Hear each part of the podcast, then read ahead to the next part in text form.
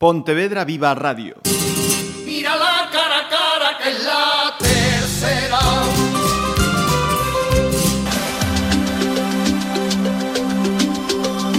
Amigos, ¿cómo están? Bienvenidos. Estamos en el cara a cara. La conversación, la confesión, usted sabe. Saludos, ¿qué tal? Nos acompaña en este cara a cara la reelegida presidenta del Colegio de Farmacéuticos de Pontevedra. Alba Sotelo, bienvenida y enhorabuena. Gracias. Eh, una, una, duda que, que no, no, habíamos comentado antes. Eh, ¿Estas eh, elecciones son anuales, son bianuales? ¿Cada cuándo? Cada cuatro años. Cada cuatro años. Sí. O sea que te quedan cuatro años intensos sí. entonces. Sí. ya es mi última. Ya no me presento más. Sí. Eh, pues te pillamos entonces al comienzo de este segundo mandato. Tercero. Tercero. Veterana en el cargo total y absolutamente. Bueno, eh, yo siempre pensé en estar tres mandatos. y porque en el primer mandato mm, haces muy poco, uh -huh. y la, no te conocen y mientras no te asientas y empiezas a tener credibilidad se puede hacer muy poco. Y ya cuando empiezas a trabajar de verdad y a conseguir resultados ya es en el segundo el... uh -huh. y se acaba antes de que termines. Entonces yo siempre imaginé que hacía falta un tercero y no me equivoqué, efectivamente hace falta un tercero. Y ya ahora está todo muy avanzado y después ya me voy. Pues estamos entonces en esos cuatro últimos eh, años de este mandato. ¿Y, ¿Y, cuántos son los colegiados a los que representa? Pues cerca de 1.800. Uh -huh. eh, Hablando de, de, esta profesión, le voy a dar la vuelta al orden de, de las preguntas, porque le, le preguntaba a, a, Alba que cómo está el mercado laboral en esta profesión. Y, y, yo creo que sois unos privilegiados, ¿no? O al menos vamos a plantearlo de otra manera. El que estudia farmacia, en un porcentaje más que elevadísimo, tiene garantías de empleo sí o sí. Sí, bueno, a día de hoy sí, porque las farmacias tienen muchos adjuntos uh -huh. y eh, crean mucho empleo farmacéutico. Y bueno, hay muy poco paro. En, en Galicia somos sobre 5.000 farmacéuticos colegiados y solo más o menos 150 están en el paro. Envidiable, igual, igual que en esta profesión, Alba. Exacta, exactamente igual. Estamos. Eh, el porcentaje creo que en la provincia de Pontevedra nos habías dicho que un 3. Un 3%, un 3% sí. Uh -huh. Bueno, pues eh, aquellos que estáis en esa edad de qué estudio, qué hago, no descartéis lo de farmacéuticos. Y además el, la inmensa mayoría, además, eh, la, el empleo está en las oficinas de farmacia, ¿no? Sí, Hay sí. otros cauces de empleabilidad, pero el, la gran mayoría es la, las oficinas de farmacia, como decías. Sí, es la grandísima mayoría. Uh -huh. eh, hay bastantes más salidas en la farmacia, pues farmacia hospitalaria, atención primaria, distribución, uh -huh. industria, docencia, investigación, eh, pero sobre todo eh, la farmacia es la que crea empleo, uh -huh. pero con muchísima diferencia. Eh, estáis, eh, o sois un sector además que, que tiene en ciernes varias reformas eh, normativas. Me gustaría que mm, así a, mm, a nivel Marisa Ciordia, eh, es decir, a nivel plano total, que por favor nos dijeras qué van a, su, a, suponer esas, esas leyes. ¿no? Estamos hablando de eh, la ley de ordenación farmacéutica, esta sería de ámbito autonómico, sí. ¿no? El nuevo Real Decreto de Precios de Referencia, que ya me corregí, me decía que esto, digamos, que es un reajuste, ¿no? Actualización. Que, que se va haciendo sí. anualmente. Y el Real Decreto del Sistema Europeo de Verificación de Medicamentos. Vamos entonces con eh, esas eh, novedades o futuras incorporaciones eh, normativas. ¿Qué, ¿Qué os va a suponer esa ley de carácter autonómico de ordenación farmacéutica? Bueno, eh, mejora tanto eh, lo que es al farmacéutico adjunto como a las farmacias desfavorecidas, entre otras muchas cosas, pero eso considero que es lo más importante. El farmacéutico adjunto son los farmacéuticos que trabajan en las farmacias con el titular y en la actual ley uh -huh. eh, lo recogen igual que a los auxiliares de farmacia, igual que a los técnicos. Sin embargo, aquí los dotan de más responsabilidad y separan las funciones de unos de uno y, y, otro. Uh -huh. Y eh, impiden también que se puedan contratar a becarios como farmacéuticos adjuntos.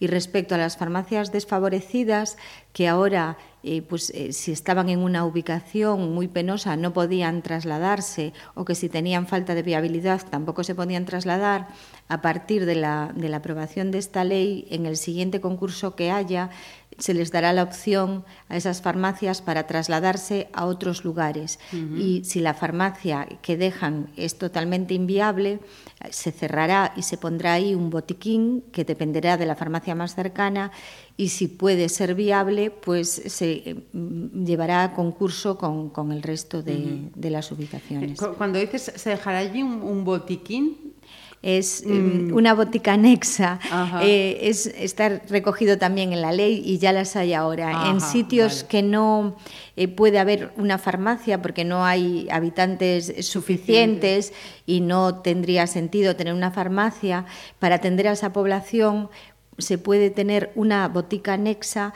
que es como un consultorio médico, pues igual, como una farmacia pequeñita que depende de otra farmacia y que está abierta solo unas determinadas horas, al día. Perfecto.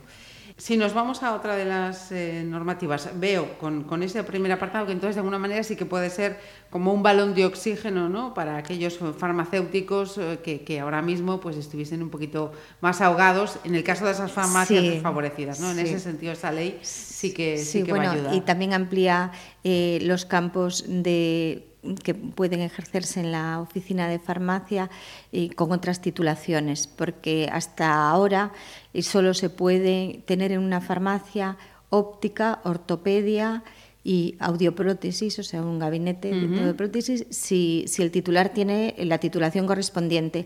Pero a partir de, esta ley eh, se incluye también la nutrición. Si tiene el grado de nutrición el titular de la farmacia, también puede, incorporar un gabinete de nutrición. Eh, pasamos entonces a la siguiente normativa, que sería ese nuevo Real Decreto de Precios de Referencia. ¿De qué manera eh, va a afectar una vez que se aplique? A ver, el Real Decreto de Precios de Referencia, el que está en vigor, es del año 2014, pero establece que eh, todos los años hay una orden que va actualizando los precios. Se crean nuevos conjuntos eh, algunos se suprimen y otros se crean. Para que se crea un conjunto tiene que haber eh, como mínimo dos medicamentos iguales de la misma composición y vía de administración y uno de ellos tiene que ser genérico o no genérico, pero llevar ya en el mercado más de, de 10 años comercializado, o en Europa o en España, es indiferente. Entonces, a esos medicamentos se les asigna un precio por el Ministerio y si quieren estar financiados en la Seguridad Social, pues los laboratorios tienen que bajar esos precios. Y esto es continuo desde el año 1999 y lo que hace es que los medicamentos, una vez que pierden las patentes, vayan bajando, continuamente. Sí. Este tema recuerdo otro cara a cara que lo habíamos tratado también desde otro ámbito, pero me acaba de, venir a, la cabeza. Eh, Real Decreto del Sistema Europeo de Verificación de, Medicamentos. Aquí sí que ya te voy a pedir incluso que nos digas de qué estamos hablando. A ver, esto eh, es una directiva europea del año 2011 que lo que pretende es que no entren medicamentos falsificados dentro del canal legal de distribución de, medicamentos. Y en el año 2016 se publicó un reglamento que lo que establece es que los medicamentos que tienen, o sea, que están sujetos a receta, salvo alguna excepción, pues tienen que tener un código de identificación único y a la vez tienen un sistema, eh, tienen que tener un sistema antimanipulación de, del cartonaje para eh, que tengan todas las garantías de que ese medicamento no es falsificado. Entonces, eh, es como un código BIDI que tiene dentro pues, todos los datos del medicamento, el lote, la caducidad, el código nacional y además un código único de identificación. Eh, cuando la farmacia lo va a dispensar al paciente, lo pasa y verifica que ese medicamento efectivamente es un medicamento que no es falsificado y desactiva ese código en la, en la, dispensación. Con esto, los pacientes tienen la garantía de que se están llevando medicamentos que no son falsificados. Eh, ¿Qué pasa? Que en España no entran medicamentos en el canal farmacia falsificados, pero en Europa sí que entran. Y esta directiva viene de Europa y es eh, de obligado cumplimiento para todos los Estados miembros y tiene que estar ya en marcha el 2 de, no, perdón, el 9 de febrero del año que viene. Ajá. Mira, y, en relación también a lo que decíamos antes, precios de referencia, seguridad del medicamento, eh, en estos últimos eh, años, mm, por aquello de que mm, todo vamos a, pasarlo por el filtro de la crisis, ¿ha repercutido mucho en el aumento o reducción del gasto farmacéutico? Sí, eh, mucho, pero lo que más influyó fue la crisis. En los años de la crisis, lo que es la factura de, de los medicamentos bajó mm, sobre un 25-27% y se ha recuperado muy poquito, muy poquito. Seguimos a niveles mucho más bajos. Sí que desde el año 99 empezaron a bajar todos los precios de los medicamentos, pero cuando de verdad eh, se notó y hubo una bajada en la factura fue en, el año 2010. Y entre del 2009 al, 2014 todos los años eh, bajaron en el 2014 se, ya dejaron de bajar y ahora suben un poquito. En el 2015 subió un 0,10, en el 2016 un 2,07, y en el 2017 un 1,86. Esos son datos de, de Pontevedra, ¿eh? pero aún así estamos hablando de que en el 2009 eh, la factura de los medicamentos que se dispensaban en las farmacias de Pontevedra estaba en, al año en 300 millones y ahora está en 237. Entonces la bajada es evidente. sí, más que considerable. Mm. Eh, o sea que eso de la, obsesión, como decía yo antes, de, poner ya así la grabación oficial, yo le decía, mira, eso de la costumbre de guardar y comprar, comprar medicación ahí, ahí antes de... No, no, me decía que ahora somos mucho más responsables con, ese, ese tema. Sí, sí, ahora los ciudadanos son mucho más responsables y compran los medicamentos que necesitan, no acumulan tanto como antes en las casas. Y, hablando de, acumular, eh, ¿cómo vamos en el tema de reciclaje de medicamentos? Bueno, el reciclaje eh, ha aumentado, o sea que cada vez los ciudadanos son más responsables también con el medio ambiente y eh, ha aumentado en estos cinco últimos años un 15%, o sea que sí que es un aumento eh, importante. ¿no? Y bueno, es el quinto lugar me parece que ocupan los medicamentos, o sea, por encima del vidrio, el papel, eh, las pilas y el plástico. y vamos a mirarlo. Tenemos todo anotado, ¿eh? Lo tenemos todo anotado, no se nos escapa ni un, ni un detalle. Y, ya para, antes de dejar de todo esto de, los precios, eh, del gasto, de esos nuevos medicamentos, y precisamente en estas fechas que, que acabamos de pasar, Día Internacional contra el Cáncer, esa enfermedad precisamente es una de las beneficiadas por la incorporación de esos nuevos medicamentos. ¿no? Sí, sí. Eh, la Agencia Europea del Medicamento en 2017 le dio un informe positivo a 92 medicamentos y 35 de ellos eran nuevas moléculas, nuevos principios activos que todavía no estaban en el mercado. Y la tercera parte son para el cáncer. Sí que avanzan mucho, eh, gracias a Dios, en ese campo y lo cual es muy importante porque así disminuye la mortalidad en algunos tipos de cáncer y se convierten en enfermos crónicos con estos nuevos tratamientos.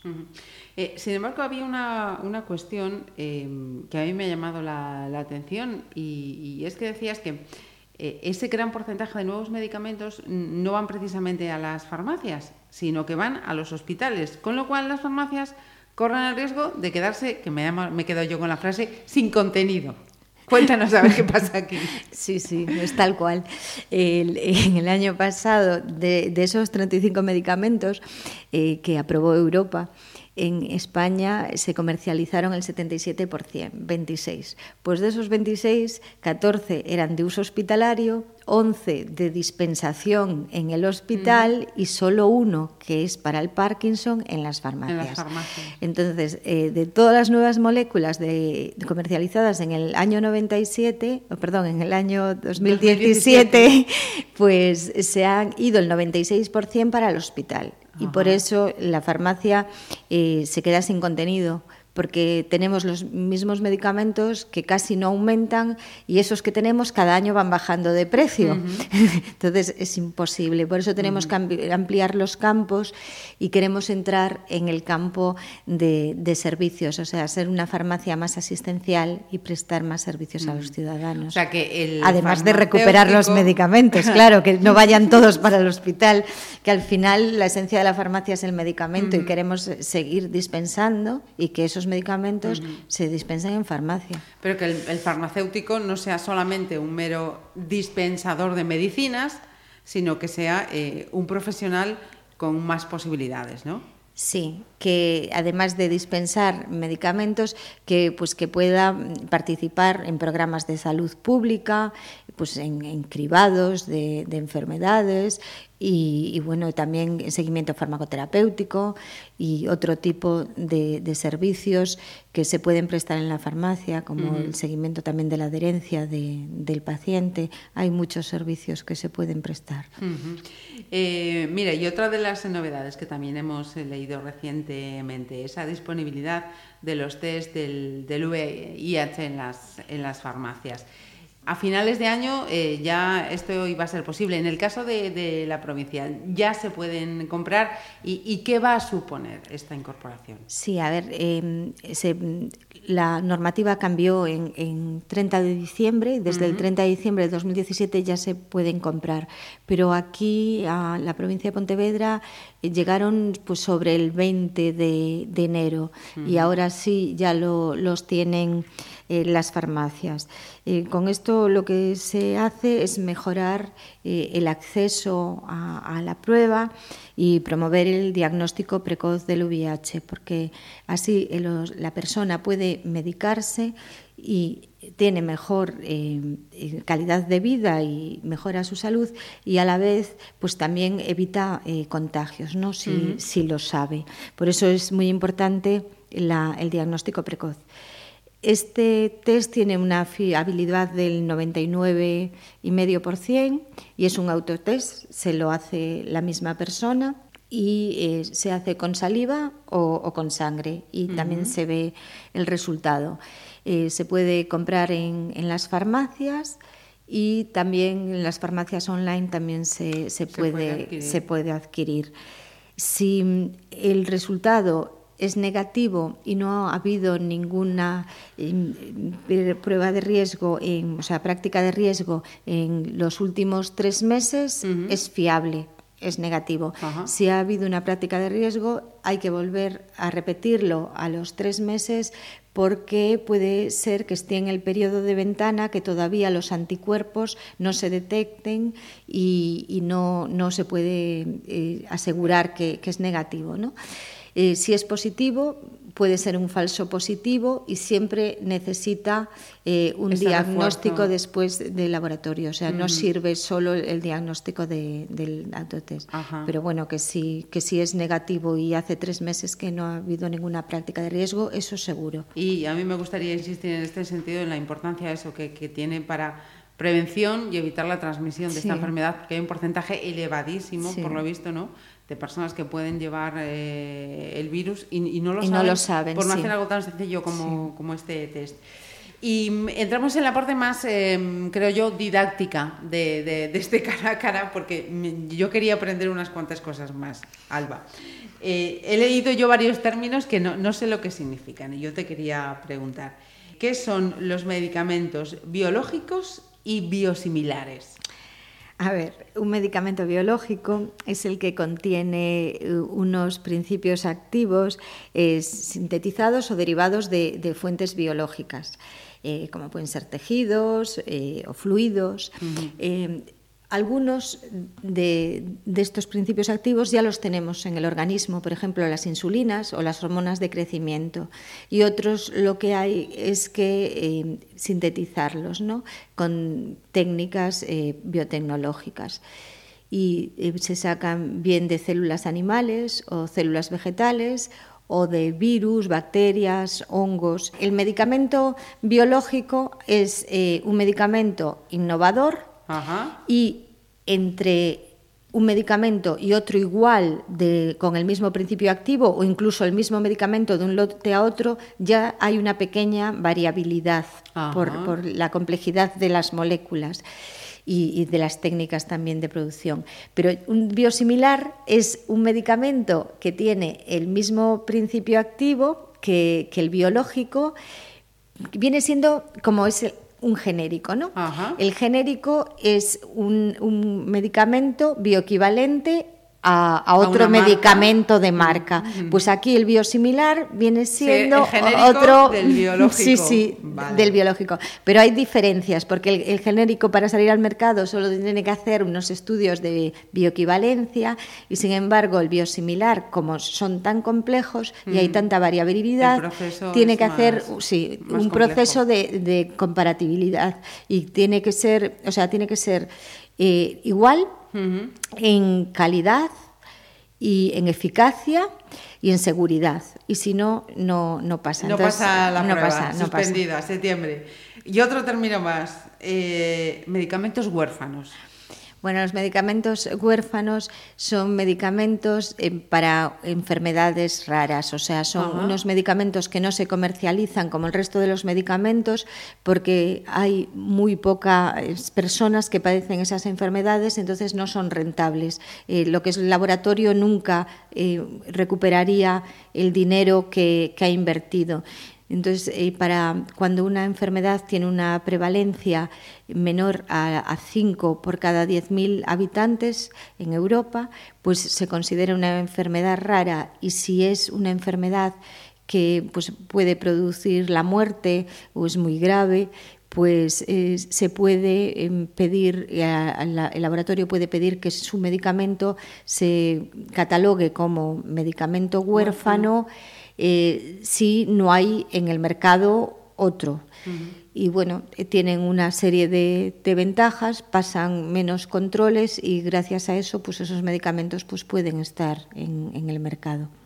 Pues eh, os recomiendo que escuchéis también, va a ir incluido en ese enlace el cara a cara que habíamos hecho con Germán Velázquez, experto en industria farmacéutica, que nos dejaba aquí claves muy, muy importantes. De momento vamos a cerrar este cara a cara con Alba Sautelo y desearte, pues eso, que estos cuatro años que quedan por delante resulten también muy fructíferos y darte las gracias por acompañarnos aquí hoy. Muchas gracias a vosotros. Cara a cara, nos volvemos a ver. Cara a cara. Pontevedra Viva Radio. Oh.